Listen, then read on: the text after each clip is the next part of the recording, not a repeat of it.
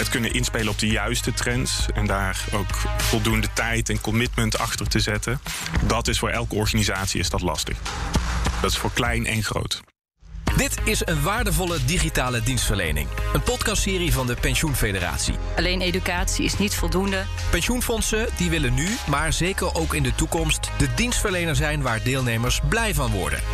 Maar wat komt daarbij kijken? Inspelen op technologische trends is daarbij essentieel. Waar hebben consumenten en dus ook deelnemers straks behoefte aan in hun toegang tot financiële diensten? Welke diensten kunnen of zelfs moeten pensioenfondsen aanbieden om deelnemers blij te maken? En kunnen pensioenfondsen dat prima zelf organiseren? Of heb je daar anderen bij nodig? En wie dan? Oh, uh, laten we maar met z'n allen mensen op deze knop laten klikken. Absoluut niet. Mijn naam is Tom Jessen en over al deze onderwerpen ga ik in deze podcastserie in gesprek met mensen van binnen en buiten de pensioensector. De vraag die we gaan beantwoorden in deze allereerste aflevering is: welke technologische trends raken die dienstverlening en wat betekenen die voor pensioenfondsen? Dat ga ik bespreken met mijn gasten. Maarten Bakker van InOP en Irene Blanke van de Rabobank. Eventjes bij jou beginnen, Irene. Jij bent product owner bij de Rabobank. Met welke technologische trends heb je vanuit die functie dan te maken? Um, veel, om even een kort antwoord te geven. Um, nou, de een groot aantal luisteraars zullen de Rabobank-app kennen. En uh, voorheen, vroeger kreeg je natuurlijk je bankafschriften en zag je ook hè, die eerste versies van de app. Dat was eigenlijk een heel statisch overzicht van uh, jouw financiën. En als je het dan hebt over technologische trends, we hebben natuurlijk uh, heel veel data waar we uiteraard heel voorzichtig mee zijn. en waar we de klant heel veel inzicht ook mee kunnen geven. Dus naast een puur overzicht, hey, ik heb net 20 euro uitgegeven bij de supermarkt of mijn salaris is binnen, doen wij ook dingen zoals het laten zien van hey, aan welke categorieën geef je nou je geld uit? Dus hoeveel besteed je nou per maand hè, aan die supermarkt, aan die boodschappen? Of welke abonnementen heb jij lopen? Dus de trend is dat het steeds meer gaat van eigenlijk platte, vrij descriptieve informatie naar uh, inzichten in die informatie. En dat zie je overal steeds meer. Precies, jullie veranderen dus echt mee wat de, de klant, jullie klanten ook graag willen. Hoe is dat bij InOP? Want volgens mij zijn jullie echt in het leven geroepen om ja, op die technologische trends echt in te spelen. Ja, dus wij helpen veel klanten, helpen wij om in te spelen op die technologische trends. En wat wij zien is dat door aankomende wetgeving, door, uh, nou ja, door een behoefte in de markt, dat bedrijven ook steeds meer hun data moeten openstellen richting derde partijen. Dus dan is het dus niet meer alleen in dit geval de Rabobank die dat soort inzichten kan geven, maar ook een coole fintech-app of welke plek je dan ook kan bedenken. Precies, want jullie doel bij NOP is echt om die transacties digitaal mogelijk te maken, hè?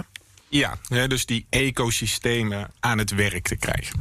dus die ecosystemen te organiseren, het vertrouwen in die ecosystemen te organiseren. En dan kom je op technologieën, die uh, technologieën rondom digitale identiteit, privacy beschermende technieken.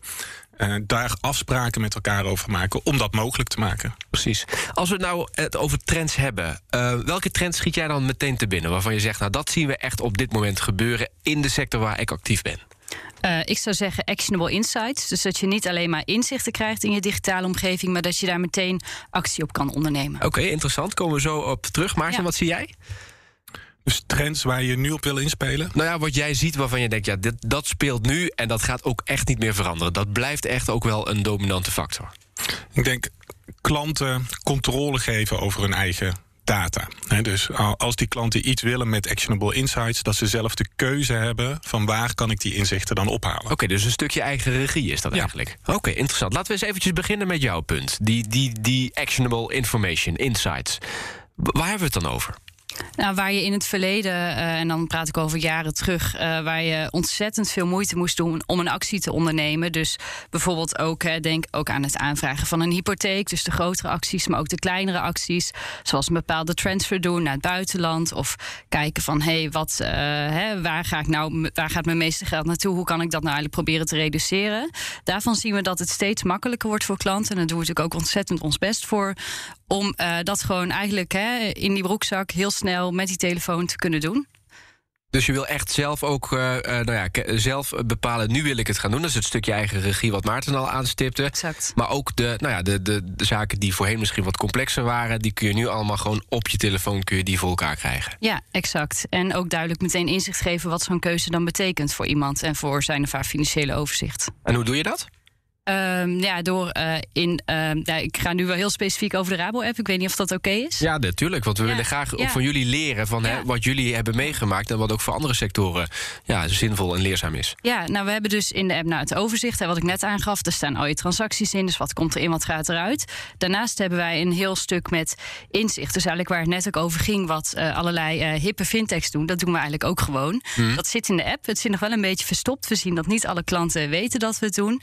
maar als je daar onderin in die app klikt, dan zie je eigenlijk een hele pagina met allerlei inzichten. Uiteraard kun je daar zelf wel of niet voor kiezen of je dat uh, wil zien.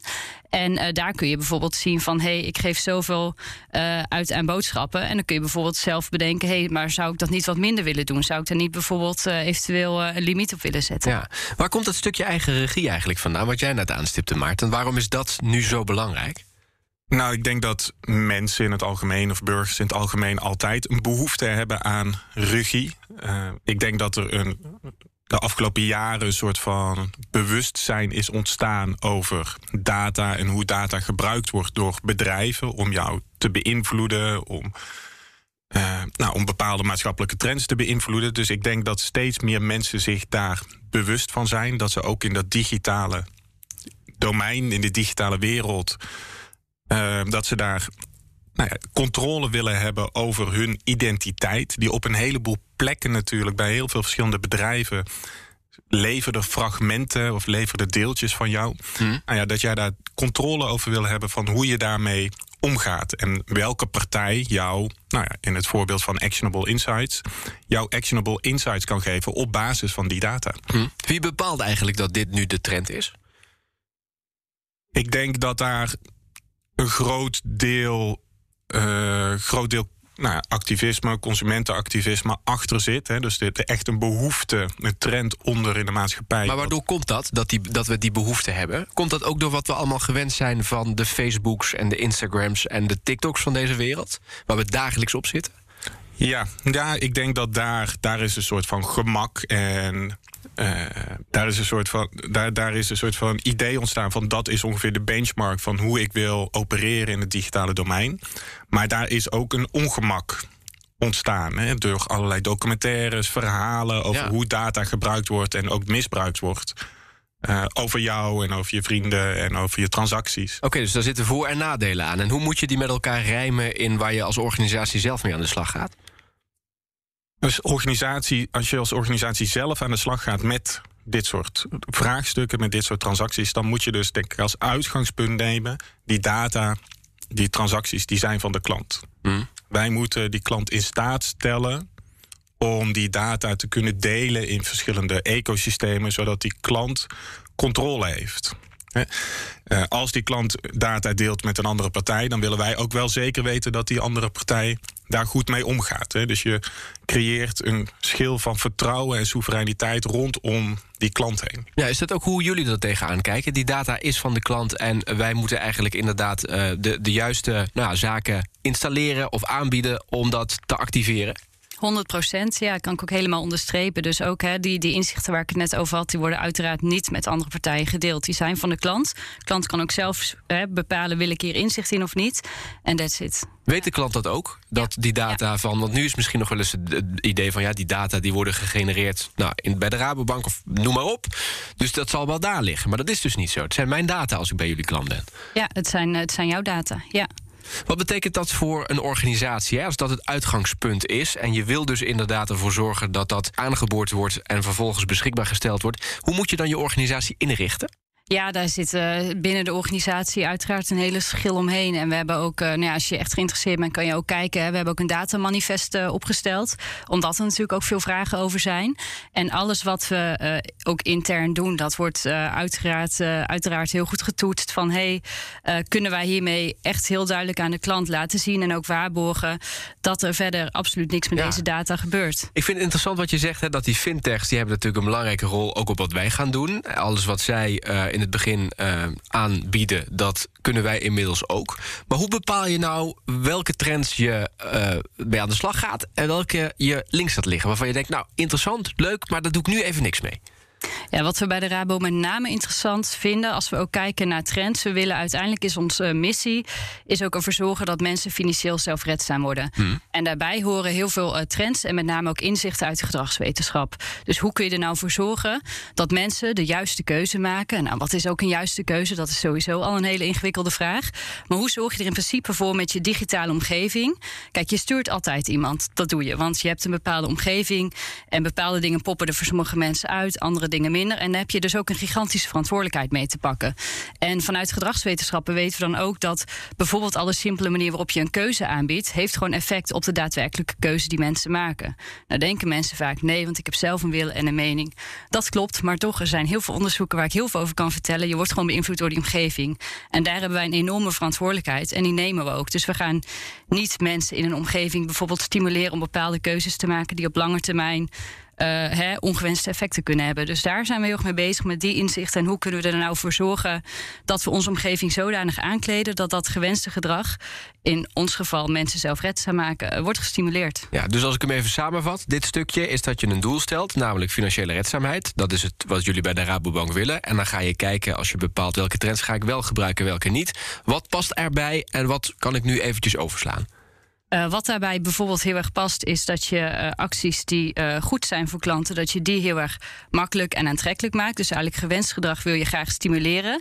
En ongewenst gedrag, zoals, nou, dat is uiteraard weer een moeilijke vraag: wat is ongewenst gedrag? Maar in ieder geval gedrag waarvan we denken: dit is wel iets waar, waarvan we hopen dat een klant hier wel even wat langer over nadenkt. Dat je daar ook bepaalde, nou, ik wil het geen drempels noemen, maar waarin je bepaalde ruimte daarin bouwt dat mensen overdenken. Dus dat dat soort keuzes niet in één seconde in de app kunnen worden gemaakt. Kun je een voorbeeld noemen? Um, dat is een goede vraag. Um, bijvoorbeeld op het moment dat mensen uh, een, een, lening of iets dergelijks afsluiten, dat is natuurlijk ook aan wet en regelgeving gebonden. Daar worden natuurlijk niet voor niks bepaalde regels opgeworpen. Of mensen willen voor het eerst een beleggingsproduct, heb je natuurlijk een toets. Wil je uh, kijken hè, of, of de kennis van de, van de klant genoeg toereikend is om te begrijpen wat hij of zij doet. Dat zijn natuurlijk de processen die uh, wat lastiger gaan. En daar wil je niet gebruik maken van die trucjes om ervoor te zorgen: oh, laten we maar met z'n allen mensen op deze knop laten klikken. Absoluut niet. Oké, dus dat is wel een belangrijk verschil om dat inderdaad aan te brengen. Hoe ingrijpend zijn trends eigenlijk in de financiële sector, in het leven van mensen? Ja, het is een hele, hele filosofische vraag natuurlijk. Kijk, je kunt er op een heleboel verschillende manieren naar kijken. Maar als je kijkt naar hoe betalingen zich hebben ontwikkeld, dus de manier van betalen, dat we. Nou, tien jaar geleden vertrouwden we eigenlijk nog in briefjes papier. Uh, en nu vertrouwen we nou ja, op een soort van authenticatiemechanisme, ja. zeg maar. Ik denk dat de meeste mensen de laatste jaren misschien niet eens meer contant geld vast hebben gehad. Het gaat allemaal digitaal. Ja, hoe, hoe ontwrichtend of hoe ingrijpend is dat? Ja, zeg maar, het, voor de, ja, ik denk heel, heel ingrijpend. Het, het, het, het opent allerlei nieuwe wegen richting de toekomst. Zeg maar, dat wij nu allemaal digitaal aan het betalen zijn. Dat gaat straks ook zo ik denk de, dus, dus de, de voorbeelden die we net horen over actionable insights of klanten inzicht geven, dat gaat ook die kant op. Dat gaat allemaal binnen het digitale domein plaatsvinden. Dat gaat natuurlijk steeds minder nou, bij een adviseur uh, aan de tafel of bij een adviseur in het kantoor plaatsvinden. Dat gaat ook het digitale domein in. En dat gaat op allerlei verschillende plekken plaatsvinden. Dus dat kan binnen de Rabobank-app, maar dat kan ook binnen een andere bankieren-app. Dat kan binnen de omgevingen van pensioenfondsen of pensioenuitvoerders zijn, bij fintechs. Dat die klant die gaat zich overal digitaal bewegen om iets te doen rondom zijn financiële huishouding. Ja, dus het is ingrijpend zeker voor de gebruiker, de eindgebruiker, maar ook voor de organisatie natuurlijk, hè, die het aanbiedt. Ja, zeker. Zeker. Als we het nou hebben, want we proberen in deze podcastreeks lessen ook te trekken uit andere uh, omgevingen voor de pensioenfondsen.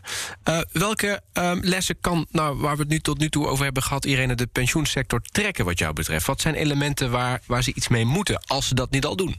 Het allerbelangrijkste is: ga er niet vanuit dat uh, de klanten er wel komen met financiële educatie. Alleen educatie is niet voldoende.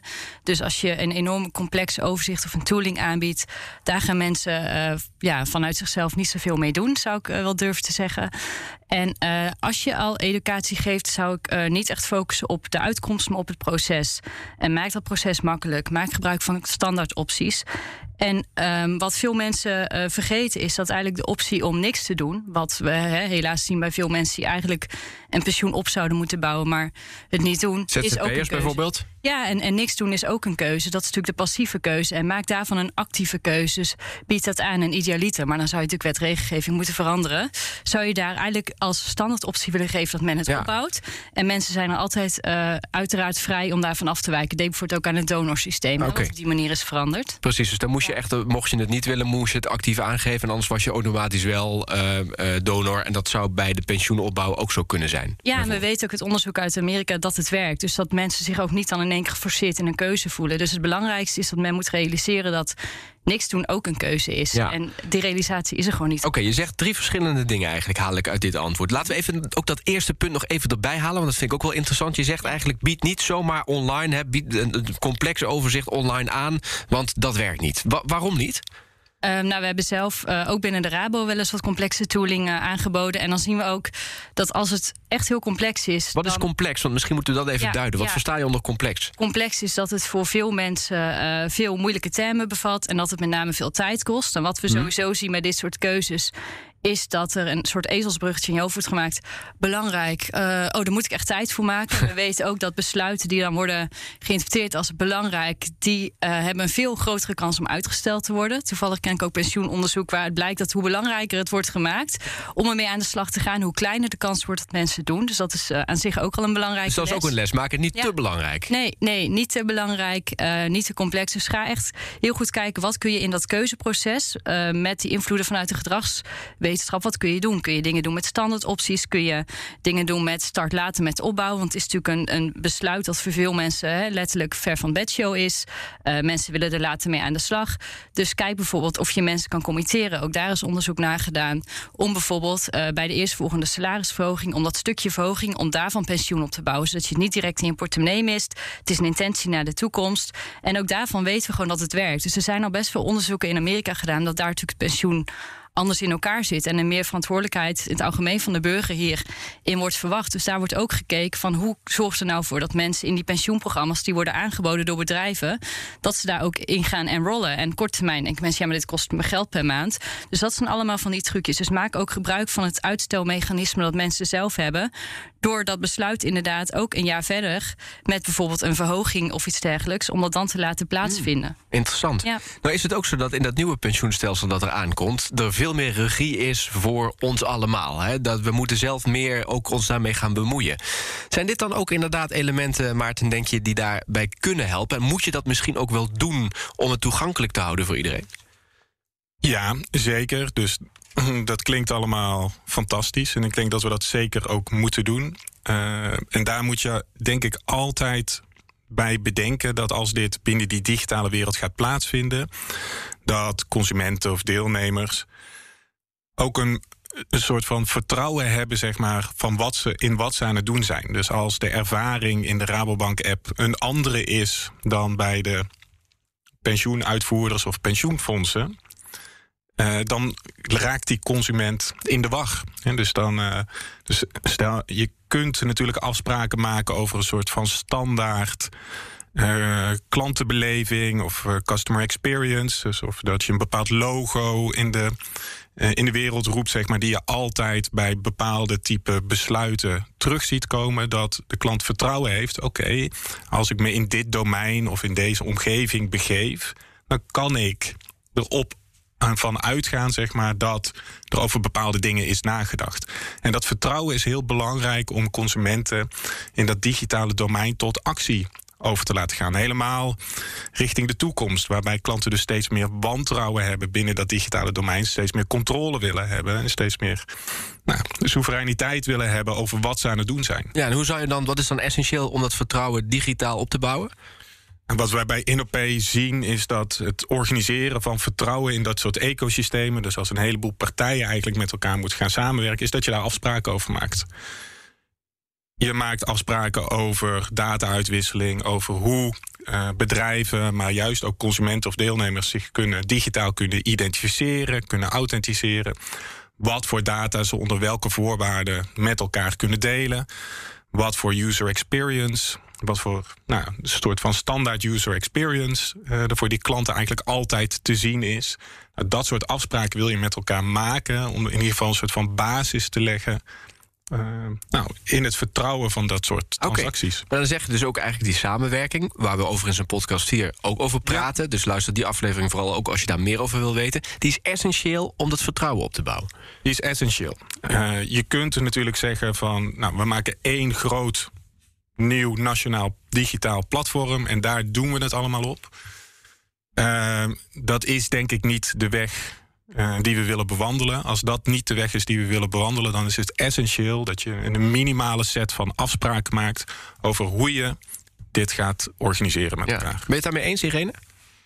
Uh, ja, uiteraard. En ook uh, nog daarop op aanvullend. En dat het altijd ook in de keuze is van de klant. Van wat gebeurt er met de data. Dus het stukje wat aan het begin ook werd genoemd. Van joh, dat in control zijn. Dat is er ook essentieel bij. Mm.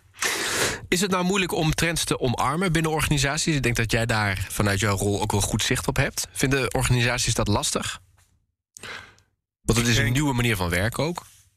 Ja, dus, dat, uh, dus het omarmen van trends, dus het kunnen zien van trends is niet lastig. Ik denk dat de meeste organisaties heel goed weten wat er aankomt. Uh, het kunnen inspelen op de juiste trends en daar ook voldoende tijd en commitment achter te zetten. Dat is voor elke organisatie is dat lastig, maar dat is voor klein en groot. En heb je daar dan een advies in? Van oké, okay, ik weet altijd, begin klein, hè, zet kleine stapjes. Bedenk ook niet het hele plaatje al, maar zet gewoon een eerste stap. Dat wordt vaak gezegd. Maar zijn er nog andere elementen die kunnen helpen? Nou, de, de, dus zorg er in ieder geval voor. Dus begin klein, dat is heel belangrijk. Zorg ervoor dat de trends die je met elkaar omarmt, dat dat ook gedragen is door de organisatie. Dat er ook buy-in is van iedereen, zeg maar, dat je met een experiment of iets kleins bent, bezig bent in een bepaald domein. Het risico is van inderdaad klein beginnen, is dat het soort van iedereen vergeet dat je daar klein bent begonnen. Terwijl het wel heel belangrijk is dat je daar juist bezig bent. Ja. Dat is een soort van tegenstrijdigheid die daarin zit. Dat is denk ik heel belangrijk. Uh, nou ja, en ook uh, in het concept uh, afspraken maken. Dat ja, zorgt ervoor, als je dat dan als ecosysteem of als groep partijen met elkaar gaat doen dat je de toepassing in eerste instantie klein houdt, maar dat je daar nou ja, zorgt er wel voor dat die afspraken dan wel tot de laatste bit zijn uitgewerkt, zeg maar. Oké. Okay. Want als je dit aan de gang wil krijgen, dan, dan red je het niet met een halve set afspraken. Nee, precies. Dat ben ik wel benieuwd hoe dat bij de Rabobank is gegaan. Want door de organisatiestructuur hè, kan dat misschien ook worden ervaren als verschillende eilandjes. Hoe hebben jullie daar gezorgd om ja, die basis uh, en die omarming van de trends ook breed binnen de organisatie goed voor elkaar te krijgen? Nou, deels overlap, hè, klein beginnen, maar wel heel duidelijk maken waar je naartoe gaat. Duidelijk maken wat de missie is. Um, dus als je bijvoorbeeld het hebt over het opzetten van een experiment of je wil iets uitproberen of je wil klanten ergens over interviewen, dat je in alle tijden ook duidelijk maakt. We vinden dit, dit succesvol op het moment dat we hier mensen mee uh, kunnen stimuleren om keuzes te maken die bijdragen aan hun zelfredzaamheid. En daarnaast, uh, wat in een grotere organisatie als Rabobank ook altijd belangrijk is, vanaf het begin uh, de businesslijn en de IT-lijn heel duidelijk samen daarin laten optrekken. En ook vanuit de business heel duidelijk laten zien van hier willen we dan uiteindelijk graag naartoe. Nu wordt het wel technischer. En dat uh, vanuit IT kan worden gezegd: oh, maar als je daar naartoe wil, dan moet je nu uh, eigenlijk niet deze shortcut nemen. Maar wordt het al wat ingewikkelder aan het begin. Dus dat ja. zijn natuurlijk dingen in grote bestaande organisaties waar je dan ook mee te maken hebt. Oké, okay, wanneer uh, haak je de eindgebruiker aan in dit proces? Um, op het moment dat, uh, dat iets goed is getoetst, is gevalideerd en we ook weten, hey, dit draagt echt bij aan iemands uh, financiële zelfredzaamheid. Ja. Uh, nog eventjes over data, hebben we het kort al over gehad, maar toch nog even één vraag. Betekent nou ook zo dat bijvoorbeeld ook een pensioenfonds straks ook een soort van ja, groot datacenter wordt, omdat je natuurlijk ja, ook heel veel data in beheer hebt? Nou, de, de, de metafoor één groot datacenter, die zou ik niet willen uh, niet ondersteunen. Ik, ik, ik denk zeg maar dat er ontstaan een heleboel pensioenfondsen, of er zijn al een heleboel pensioenfondsen, die hebben allemaal hun eigen data en die beheren dat en die delen dat onder controle van de klant, of die doen daar iets mee onder controle van die klant. Dat er dan één groot datacenter zou zijn, dat zou ik niet zeggen. Oké. Belangrijkste les voor jou aan pensioenfondsen? Denk niet, oh, laten we het, uh, het UPO, Uniform Pensioenoverzicht, uh, inladen in alle bankieren en fintech-apps. Dan kunnen mensen het vinden, kunnen ze erbij. Denk niet dat dat de oplossing is. En voor jou, Maarten? Organiseer samenwerking, organiseer vertrouwen en zorg ervoor dat die klant onder controle komt van nou, de juiste data. Oké, ik dank jullie wel voor dit uh, gesprek, deze podcast over trends. Dank je wel, uh, Irene, en dank je wel, Maarten. Dankjewel. Graag gedaan. Dit was de podcast van de Pensioenfederatie. Een waardevolle digitale dienstverlening. Dank aan mijn gasten. Maarten Bakker van InOP was bij me. En Irene Blanke van de Rabobank. Ik hoop dat de verhalen en de insights je inspireren. En dat je daarmee verder kunt. Kijk voor meer informatie op de website die we in de show notes van deze podcast hebben gezet. En luister ook de andere afleveringen in deze reeks. In de volgende podcast gaan we het hebben over wat deze trends betekenen voor deelnemers. Waar hebben ze straks behoefte aan? En in hoeverre moet je daarin meegaan als pensioenfonds? Bedankt voor het luisteren en heel graag tot de volgende aflevering.